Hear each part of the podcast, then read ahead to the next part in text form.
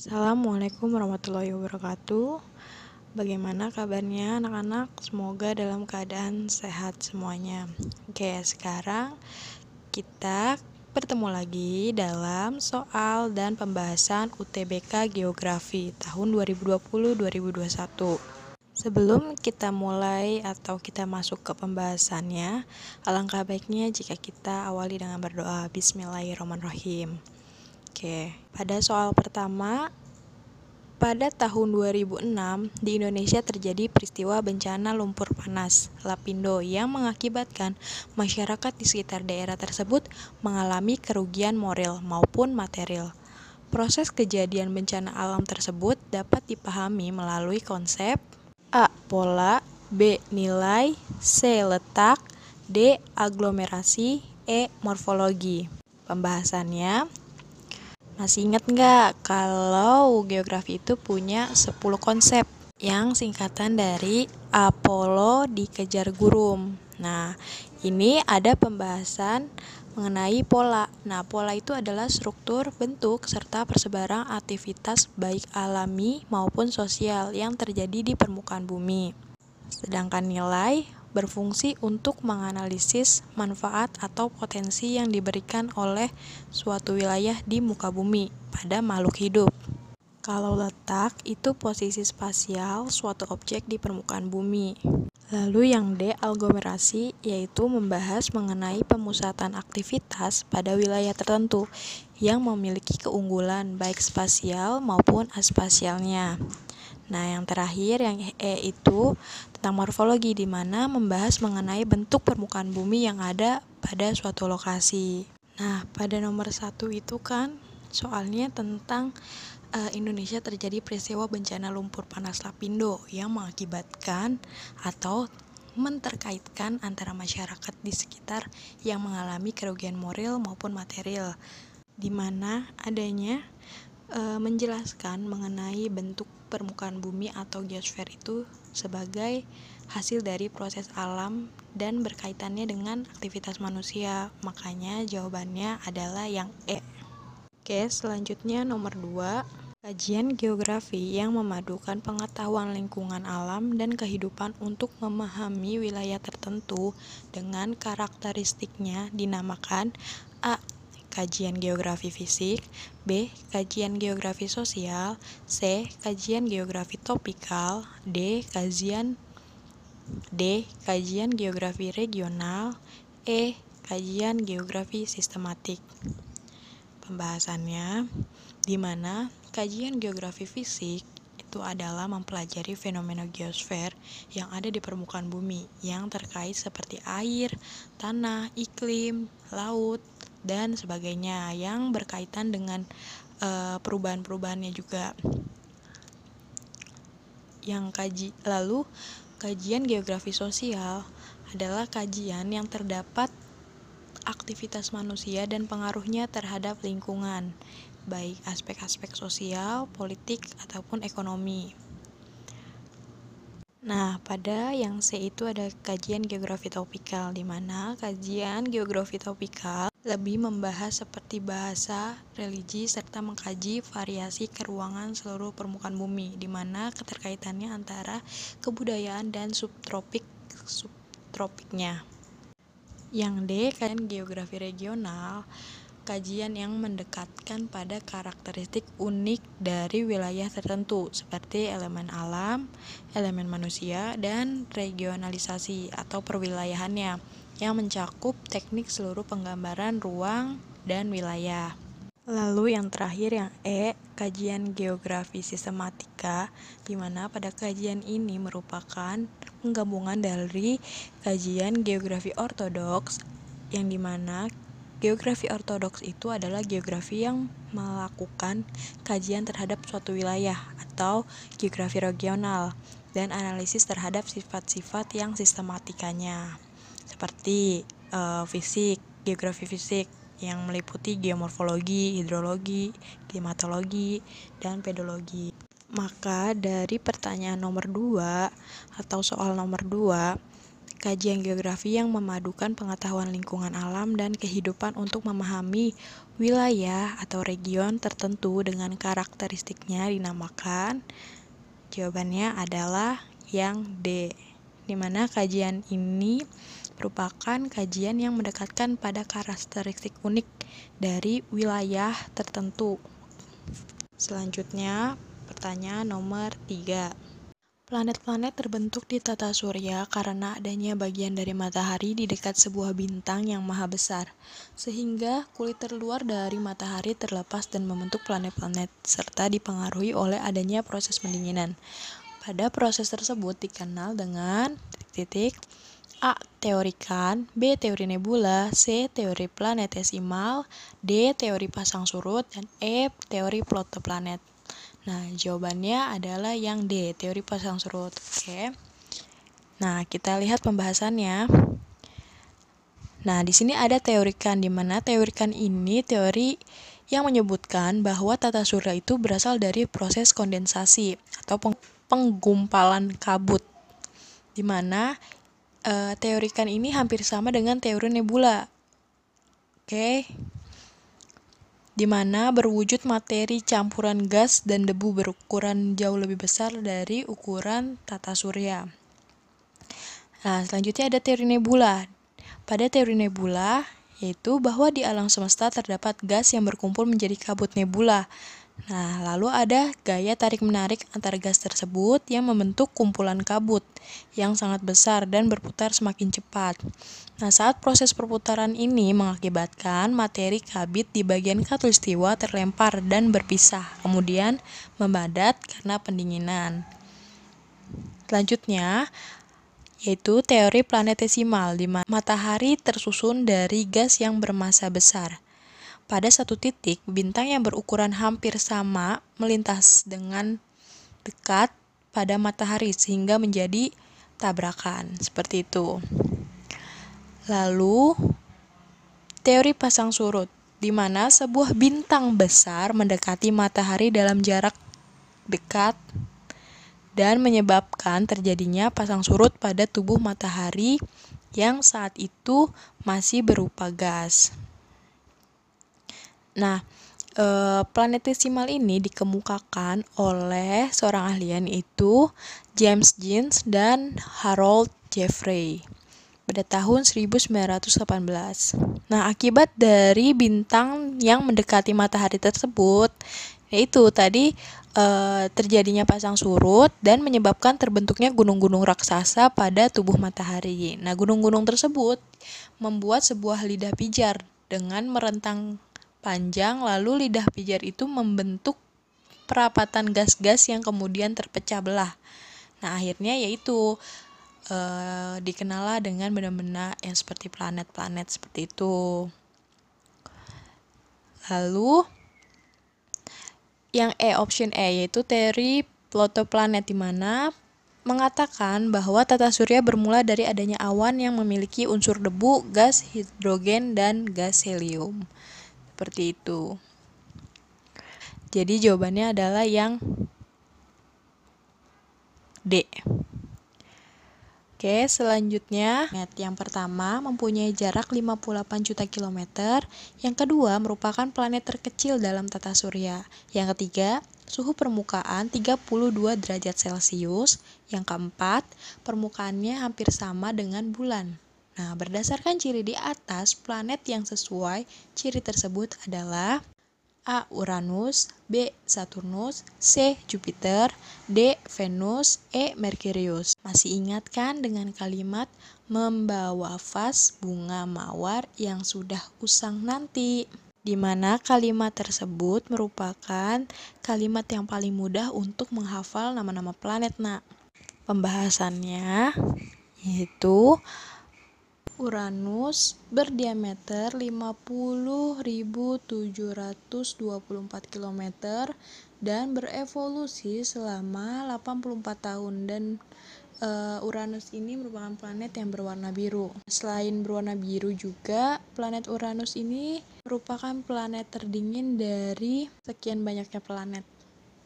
Yang kedua ada Saturnus di mana planet ini dikelilingi oleh cincin raksasa dengan diameter 1120.000 km dan berevolusi selama 29,5 tahun. Yang ketiga yaitu Jupiter di mana planet ini adalah planet yang paling besar dengan memiliki diameter 139.822 km dan membutuhkan waktu revolusi selama 11 tahun. Planet ini juga berwarna orange dan putih serta memiliki cincin tipis yang terbuat dari debu. Nah, selanjutnya ada Venus.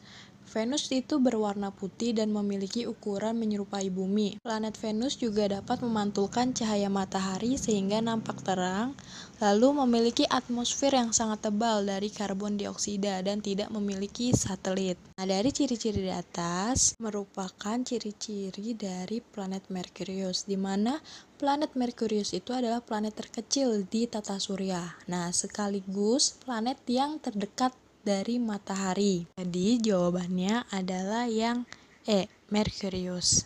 Oke, selanjutnya Nomor 5, perhatikan gambar di bawah ini. Berdasarkan lapisan atmosfernya yang ditandai dengan angka 2 pada gambar berfungsi untuk A. Tempat berjalannya fenomena cuaca B. Melindungi bumi dari sinar ultraviolet C. Melindungi bumi dari jatuhnya meteor D. Memantulkan gelombang radio dan E. Membatasi bumi dengan jagat raya Nah, pembahasannya eh, pada gambar tersebut ada lima lapisan atmosfer di mana angka ditunjukkan angka nomor satu itu adalah lapisan troposfer.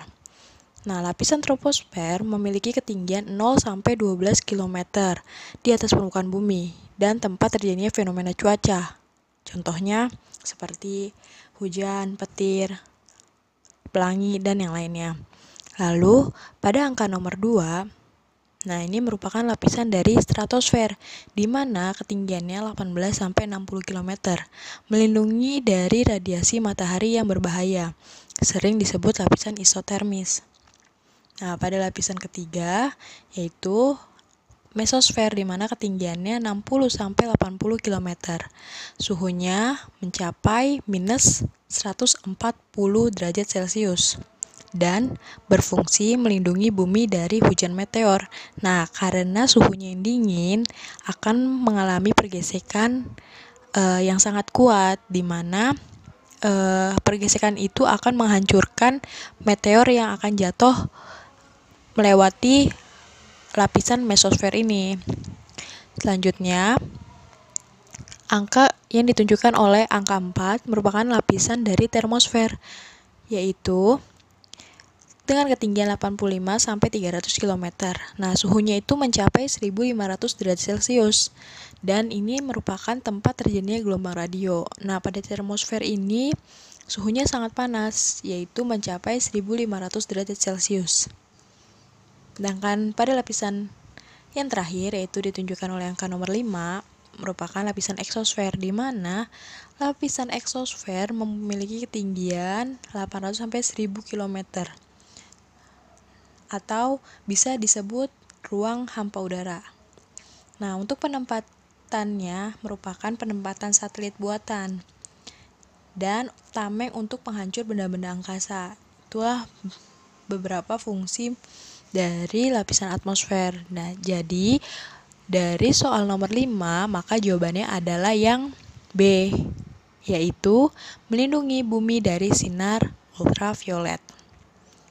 Oke, selanjutnya Nomor 6, pergerakan lempeng yang terjadi apabila lempeng saling bergesek berlawanan arah dapat menimbulkan perubahan bentuk yang dinamakan titik-titik dan dampaknya adalah titik-titik. A. Konvergen membentuk lempeng laut B. Divergen membentuk tanggul laut C. Transform membentuk sesar D. Subduksi menimbulkan sedimen campuran, E. Induksi menghancurkan lempeng. Pembahasannya ada tiga pergerakan lempeng, Yang pertama ada konvergen, divergen, dan transform. Konvergen adalah batas yang terjadi ketika jika dua lempeng saling bertumbukan, baik lempeng benua dengan lempeng samudra, di mana gaya yang bekerja pada gerakan ini adalah gaya kompresional. Nah, bisa dilihat gambarnya. Jika saling bertumpukan atau saling bertabrakan, maka akan membuat palung laut atau lempeng pada lautan. Karena salah satu sisinya akan menjorok ke bawah. Divergen.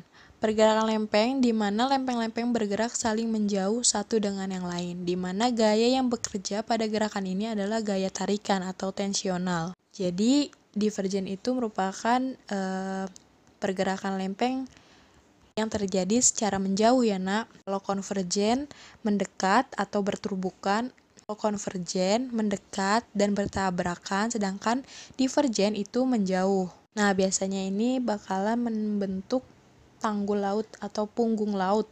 Yang ketiga ada transform. Pergerakan lempeng bergerak saling berpapasan, jadi seperti bergesekan. Nah, itu bisa dilihat pada gambarnya gerak transform.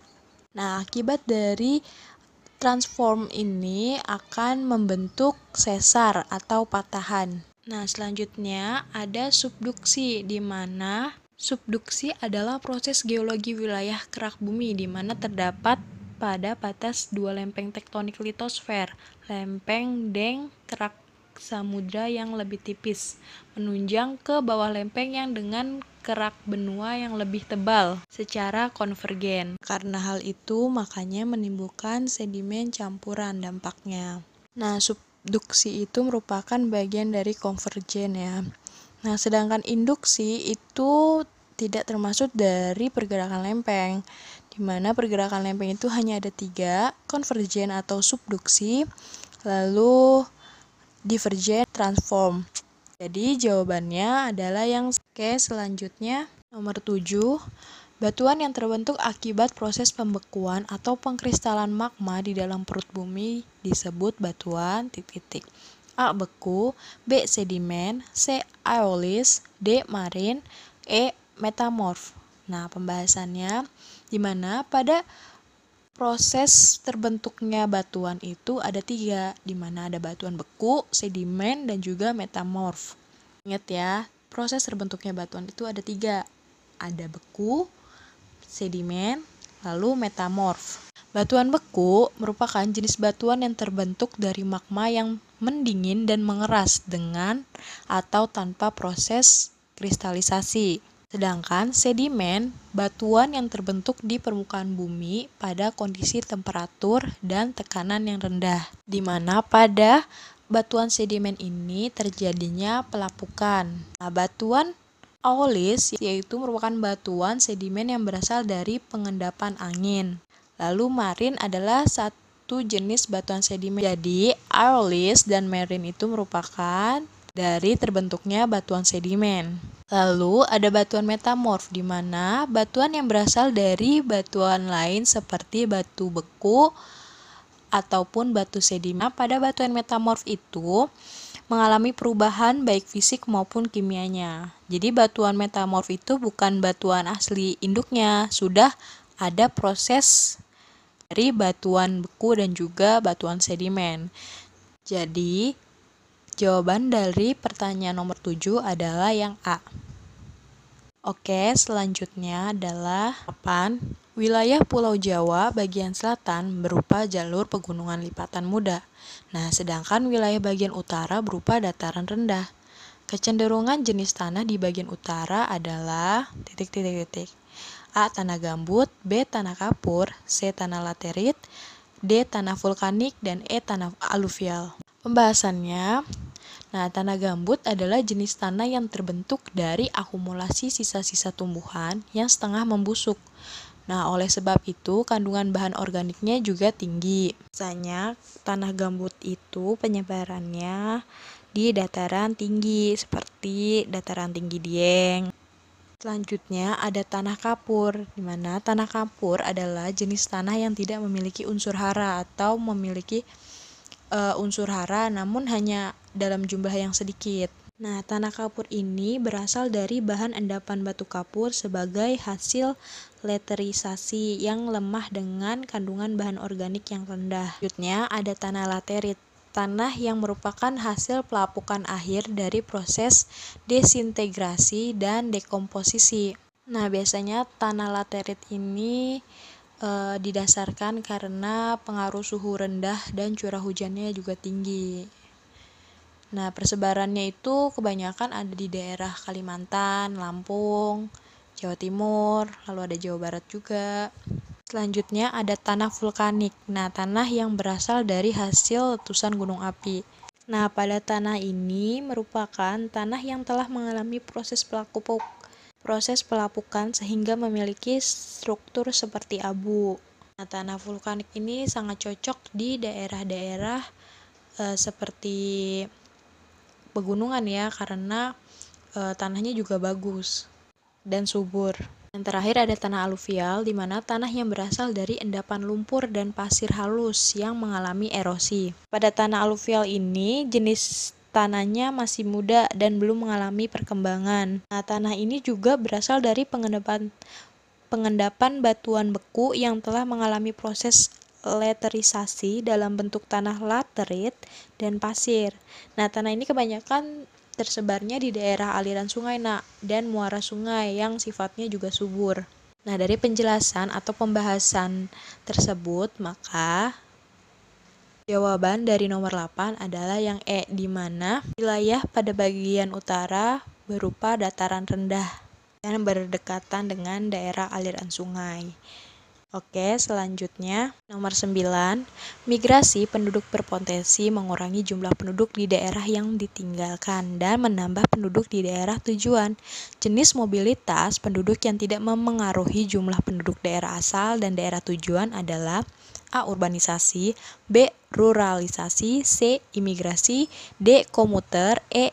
Emigrasi Nah, pembahasannya Urbanisasi adalah perpindahan penduduk dari desa ke kota, sedangkan ruralisasi kembalinya seseorang ke daerah asalnya.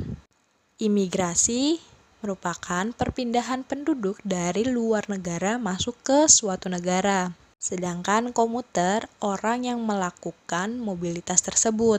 Emigrasi, perpindahan penduduk dari dalam negeri menuju suatu negara. Nah, dari pertanyaan nomor 9 ini ditanyakan adalah mobilitas penduduk yang tidak memengaruhi jumlah penduduk daerah asal dan daerah tujuan dari urbanisasi, ruralisasi, imigrasi, dan emigrasi merupakan mobilitas penduduk yang mempengaruhi jumlah penduduk daerah asal dan daerah tujuan. Jadi, jawabannya adalah yang D, di mana yang D itu artinya orang yang melakukan mobilitas. Selanjutnya, nomor 10, pada peristiwa gempa di Kalimantan tahun 2012, seismograf mencatat gelombang primer terjadi pada pukul 2 jam 30 menit 15 detik dan gelombang sekunder tercatat pada pukul 2 jam 33 menit 45 detik. Nah, berapakah jarak epicentrum gempa dari stasiun pemantauan? Nah, kira-kira yang mana nih jawabannya? Oke, lanjut aja kita ke pembahasan.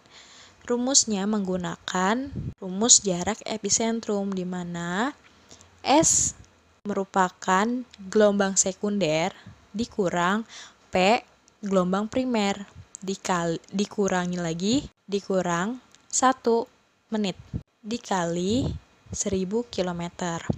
Lalu ada 3 menit 30 detik dikurang 1 menit dikali 1000 km. Jadi 2 menit 30 detik dikurangi 1 menit dikali 1000 meter. Nah, setelah seperti itu kalian kalikan lagi 2 menit dikali 1000 ditambah 30 per 60 detik. Nah, 60-nya dari mana? Karena 1 menit sama dengan 60 detik ya, nak. Lalu dikali 1000 sama dengan 2000 ditambah 0,5 dikali 1000. Lalu 2000 ditambah 500 sama dengan 2500 km dari Kalimantan. Jadi jawabannya adalah yang B. Nah, itulah beberapa soal dan pembahasan mengenai UTBK Geografi.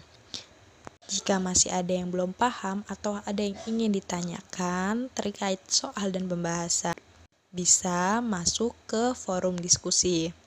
Oke, sekian pembahasan soal UTBK Kurang lebihnya ibu mohon maaf. Wabillahi taufik walidaya. Wassalamualaikum warahmatullahi wabarakatuh. Salam geografi lestari bumiku.